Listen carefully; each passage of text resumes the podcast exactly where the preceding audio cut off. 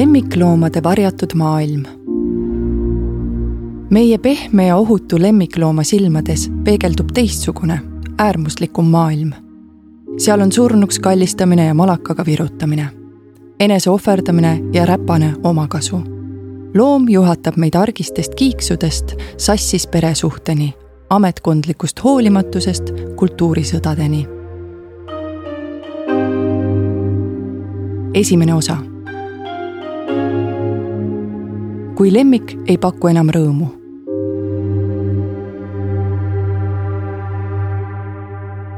lemmikloom võetakse tavaliselt suure hurraa, kaisutuste ja sotsiaalmeedia postituste saatel. kuid varsti koidab paljudele argipäev, millest nad justkui midagi ei teadnud ega tahagi teada. mul on neid kodulooma lugusid palju, ma ei teagi, kust alustada, ütleb Kärt, nimi muudetud, teisel pool telefonitoru selles mõttes olen vist päris õudne inimene. ütlen Kärdile, et ta räägiks mulle jänesest. meile väideti, et see on miniküülik, parandab ta. Läksime ühte väikelinna loomapoodi. oli selline väike nunnu koduloomakene, musta värvi. Öeldi, et jääbki peopesa suuruseks. Läks mööda kuu, kaks, loom muudkui kasvas ja kasvas. varsti ei mahtunud enam puurigi ära lasime ta siis tuppa, hakkas juhtmeid läbi närima ja raamatuid sööma nagu ikka. tegelikult see ei olnudki kõige hullem. aga see suurus. ma oleks võinud osta suurema puuri, aga ma ei tahtnud, et mul pool tuba puuri all oleks. elasime ju korteris. Kärt on kõne tegemise hetkel teadlastest kolleegidega lõunalauas. It's complicated, ütleb keegi taustal, justkui oleks ta meie vestlust pealt kuulanud Kärdil on doktorikraad. selleks hetkeks olin aru saanud, et meile müüdi lemmiklooma pähe tavaline lihaküülik, jätkab ta. mingeid pabereid ja dokumente tal muidugi polnud, olime petta saanud. hakkasin nuputama, mida teha. loomaga suhted ei paranenud, ta konutas oma väikeses puuris. välja ma teda eriti ei lasknud, kuna olin tööl. valva nagu väikest last. Polnud sellise asjaga ju arvestanud enne looma võtmist kujutasime ette, et küülik tuleb puurist välja, istub meil süles, laseb lapsel end paitada. ühesõnaga kõik need illusioonid, mis on ümberringi loodud. tegelikult ei julgenud laps teda süllegi võtta, küülik küünistas ja hammustas, ta oli päris metsik. paar kuud pärast looma võtmist tegin otsuse. ta on ju tavaline lihaküülik, toiduahela osa. viisin looma autosse. mida ta seal puuris piinleb ta ei saa niimoodi täisväärtuslikku elu elada, ringi hüpata. lisaks olin ma petta saanud, ta oli tavaline lihaloom, jänes kuskilt tootmisest. sõitsime metsa, tegin ukse lahti ja lasin ta välja, mine. teadsin, et mingeid instinkte tal põgenemiseks pole. küllap paari päeva pärast leiab mõni rebane või keegi ta üles, saab hea kõhutäie. ega ma hästi end ei tundnud, süümepiinad kestsid ikka nädalaid aga see tundus sel hetkel kõige humaansem tegu. see juhtus kümme kuni viisteist aastat tagasi. tol ajal polnud sellist loomade tugivõrgustikku nagu praegu. Polnud teda õieti kuhugi viia ega kellelegi anda. vestlusest Roometiga, nimi muudetud, riivab järsku mu kõrva sõna praakkoer. see lõikab rahulikku vestlusesse nagu tuulehoog, mis akna taga oksi murrab. praakkoer mida see tähendab? peatan Roometit. me võtsime ta varjupaigast. ta oli ühest koerte kolooniast tulnud, terve elu laga sees elanud. ta oli tõukoer, kuldne retriiver, aga ta polnud päris tavaline. mõtlesime, et mis seal ikka, küll saame hakkama, küll ta õige pea normiks tõmbab. me elasime majas, aga me ei saanud teda lahtiselt aias hoida, sest maantee oli lähedal ta võis heast peast trassi peale putku panna. aja siis teda maantee ääres taga, lootuses, et ta auto alla ei hüppa. seejärel tulid hunnikud, tuppa. me ei jõudnud neid enam ära koristada. käisime küll koertekoolis, aga ei midagi. ju see oli tal veres, et teeb oma häda tuppa. ühel hommikul oli neli suurt hunnikut mööda tuba laiali, vaibad ja diivanid täis lastud, kõik haises. jaks hakkas otsa lõppema no ei ole niimoodi loomast rõõmu. isiklik elu kiskus pingeliseks. kuigi koer polnud kedagi hammustanud, tõtt-öelda polnud ka sellest märke, hakkas meist tasapisi maad võtma hirm, et võib-olla tuleb veel kallale ka. tal on ju mõtlemises midagi teistmoodi. ausalt, ma ei tahtnud üldse seda telefonikõnet teha, aga muud ei jäänud üle. kutsikas oli meie juures kolm-neli kuud veetnud, kui me ta ära andsime. Õnneks leidsime koos varjupaigaga ühe talu, kus elas ees tema vend. seal on tal märksa parem kui meie juures olen teda uues kohas vaatamas käinud, ta on väga tubli ja krapsakas, kõik on tibi-tobi. küsin Roometilt, eh, mida ta juhtunust õppis. ma uuriks rohkem koera tausta. olen kuulnud, et kõige lihtsam on krantsidega, et nemad on tunduvalt leplikumad ja murevabamad. Söövad naha pealt ära ajakirjandust ja sotsiaalmeediat sirvides võib kergesti tekkida tunne, et lemmikloomad ja nende omanikud moodustavad võrratu koosluse. koertega käiakse võistlustel ja juuksuris. loom leiab kadunud inimese, päästab uppuja. samal ajal on ta truu sõber, laseb lastel end kaisutada. õhtul lesib ta pererahvaga ühel diivanil. muidugi on ta vahepeal üleannetu, teeb pahandust aga kui ta sind oma suurte silmadega vaatab ja kulmu kergitamise lihase mängu paneb, saab ta olla üksnes vastupandamatult armas. lemmikul olen mina ja minul on lemmik, nagu kõlas ühe hiljutise kunstisündmuse juhtmõte. tegelikkus pole pahatihti sugugi nii roosiline ehkki mingisugust statistikat pole, pakuvad eksperdid, et Eestis on aastas mitusada juhtumit, kus inimesed tahavad oma koduloomast lahti saada. ainuüksi nädala jooksul Facebooki koeragruppe tuulates jääb mulle silma kümneid taolisi pakkumisi. kasse antakse ära veelgi rohkem, sadades. põhjused on erinevad.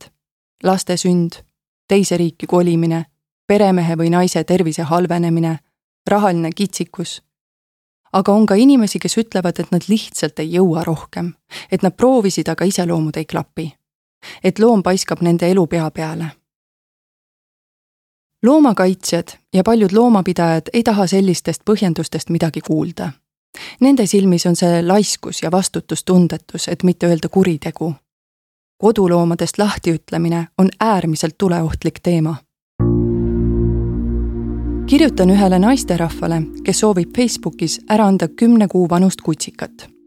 palun, et ta räägiks oma otsuse tagamaadest. teine eestlane sööb naha pealt ära, keeldub ta, lisades, et tal on raske toime tulla juba sellega, mida postituste all kirjutatakse. valdav osa pelgab oma otsusest üldse rääkida, põhjendades, et see on kas liiga isiklik või toob avaliku hukkamõistu paljud teevad oma looma loovutamiseks libakonto või paluvad kellegi teise vahemeheks. nii on siginenud sotsiaalmeediasse hulk lepitajaid, kes aitavad inimestel loomi ära anda, lootuses, et nii leiavad koerad-kassid kodu, kus nende eest paremini hoolitsetakse hiljuti kirjutas üks selline vahemees Facebookis, et pere soovib ära anda kaheaastast koera Siisit, kuna too pääses hiljutisel jalutuskäigul lapse rihma küljest lahti ja ründas teist koera. pererahvas kaotas koera vastu usalduse, mistõttu soovib temast kiiresti vabaneda. postituse all lõi kihama. üks eksimus ja kohe selline karistus. kurb laps vähemalt täiuslik, sest vastasel juhul oleks ta ju ära antud, ironiseeris üks. käsitlematu, vaene kutsik, põnev kohe, kellest selles õnnelikus peres järgmisena kiiresti lahti tahetakse saada seoses usalduse kaotamisega, kirjutas teine. miks ta üldse lapsele jalutada anti? loodan, et tulevad mõistusele, ütles kolmas. oi-oi-oi, kui kahju Eesti loomapidamise kultuur lonkab, kõvasti lonkab. väga palju lemmikloomi tahetakse ära anda, ütleb Kristi Metsa, kes töötab vabatahtlikuna Eestimaa Loomakaitse Liidus, ELL. see on üks väga paljudest Eesti loomakaitseorganisatsioonidest. teistest eristab neid vahest suurus, nad katavad tervet Eestit ja ööpäevaringne infotelefon ta möönab, et ehkki on olukordi, kus looma loovutamine on õigustatud, ta toob ühe hiljutise näitena vanapaari, kus mees suri ja liikumisvõimetu proua jäi koeraga omapäi, kuid ei suutnud viimase eest enam hoolitseda, seda enam, et koer vajas palju jalutamist. siis enamik teeb seda liiga kergekäeliselt. ja need on korralikud inimesed. või noh, mis korralikud Nad võivad pealtnäha korralikud olla, elades uhkes majas, aga kui kass pissib kaks korda valesse kohta, annavad nad looma ära, selle asemel, et minna arstile ja vaadata, äkki on kassil põiepõletik. metsa tõi välja, et kõige rohkem tuuakse neile koeri vanuses seitse kuni kaheksateist kuud. oleneb küll tõust, aga see on tihtipeale väga keeruline aeg, kus kutsikas ei taha sõna kuulata. siis võivad omanikul lained üle pea kokku lüüa aga hiljuti toodi meile kõigest kahe poole kuune kutsikas. omanik oli ta neljasaja viiekümne euroga kuskilt ostnud, aga tahtis juba pärast kuut päeva ära sokutada, sest olevat nõudnud nii palju vaeva. kujutad ette, selliseid koledaid näiteid on palju. inimesed ongi tihti koledad, tõdeb ta. metsa tunnistab, et kodulooma pidamine pole ainult lust ja lillepidu see paiskab teele ohtralt väljakutseid, nõuab muutusi elustiilis, distsipliini, ohverdusi. aga tuleb aru saada, loom võetakse terveks eluks. kui on raske, siis tule ja räägi. Eestis on piisavalt organisatsioone, kes loomaomanikke ja loomi nõustavad, lahendusi otsivad. vahel on ka lihtsalt aega vaja. kahetsusväärselt tihti on looma äraandmine aga esimene valik. see on kõige lihtsama ja kiirema vastupanu teed minek eriti häirib metsa see, et paljud, kes oma lemmiku ära annavad, ütlevad, et nad teevad seda raske südamega oi, oi-oi-oi, kui kahju neil ikka on. tegelikult sul ei ole kahju. sul ei ole kahju, kui sa viskad oma kümneaastase koera suvalisse kohta ja jalutad ise minema. see kahju jutt on ainult fassaad, tühjad sõnad Eesti Maaülikooli väikeloomakliiniku koerte käitumisnõustaja ja koerakasvatuse õpetaja Tiia Ariko ei näe seda nii dramaatiliselt. suures pildis, ütleb ta, ei pruugi peremehe vahetus sugugi nii halb olla, vastupidi, sellest võib ka võita. mõistagi ei poolda ma uisapäisa hülgamist, aga kui inimene ja loom ei mahu enam ühte ruumi ära, kui mõlemal on kogu aeg ebamugav, siis milleks end rebestada? tuleb aru saada et leidub peremehi ja koeri, kes lihtsalt ei klapi.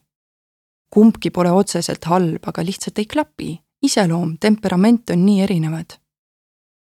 ta jätkab, et koer vajab rahu, stabiilsust ja mis eriti oluline, turvatunnet.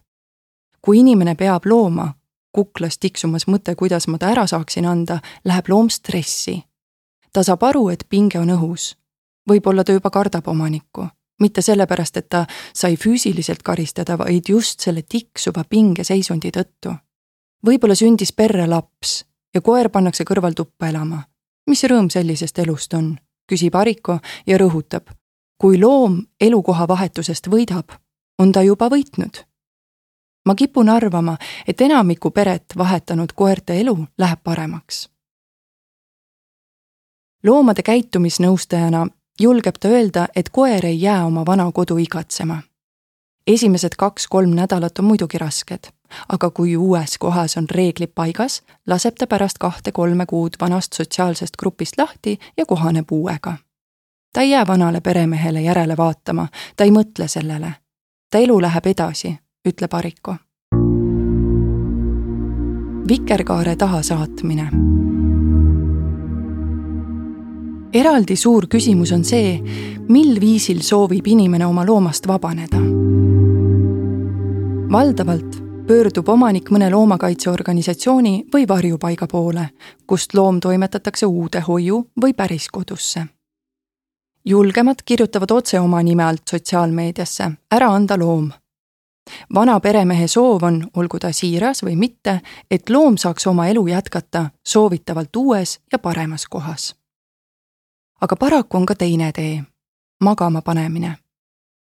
Kristi Metsa meenutas aega, kui ta töötas veel loomakliinikus. arvan, et päästsin seal paari aastaga enam kui kümme looma. tulevadki kliinikusse ja ütlevad, ma ei taha enam looma. kassil pole küll midagi viga, aga paneme magama, ta on juba vana. oli üks kaheksa-aastane bulldog, perenaine suri ära. loom jäi lapse kätte, too ütles. Mul pole koeraga midagi teha, paneme magama. pärandus, kinnisvara võetakse vastu, aga tüütu loom tahetakse hukata. metsa sõnul pressitakse neilt ka välja. näiteks peab ta Tartumaal ELL-i keeruliste koerte rehabilitatsioonikeskust. tuleb meile keskusesse kiri, et kui te meie koera vastu ei võta, saadame Tapale. Kuna looma käsitletakse seadustes endiselt asjana, siis kahjuks on see võimalik. Õnneks väga paljud loomaarstid ütlevad, et kui loom on terve, siis nemad ei eutaneeri. aga alati on võimalik leida mõni veterinaar, kes tahab raha teenida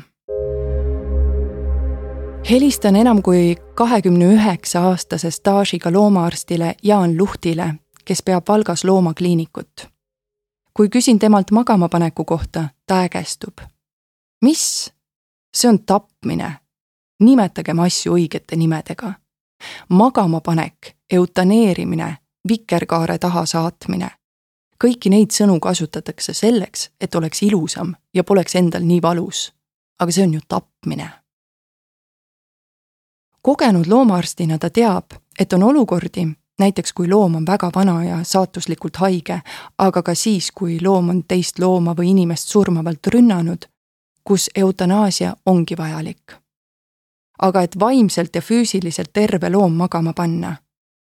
meenub, et ükskord tuli inimene, ütles, et kurat, sügis käes, meil on kodus värskelt tehtud remont. koer ju karvane ja tassib palju liiva sisse. paneme ära magama muidugi me ei pannud teda magama. leidsime hoopis varjupaiga abiga uue ja parema omaniku, räägib Luht. Õnneks, tõdeb ta, on selliste juhtumite arv siiski kõvasti vähenenud. selles mõttes on meie loomapidamise kultuur kindlasti parem.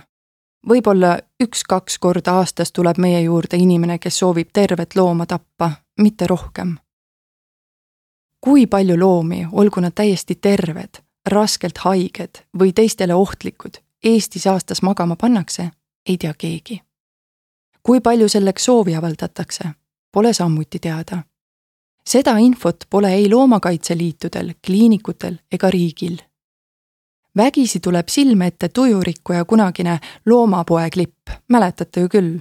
härra tuleb ilusa suure Bernhardiiniga loomapoodi ja palub loom magama panna eelmisel kuul tõmbas Emajõe eest kaks uppuvat last välja, aga paneme ikka magama. toob karvade vahel lehti ja käppadega liiva elamisse, jube tüütu. mis teil see kõige odavam surmasüst on? Pärast vestlust loomakaitsjate ja arstidega ei tundugi see enam nii groteskne. või on meil siiski veel lootust?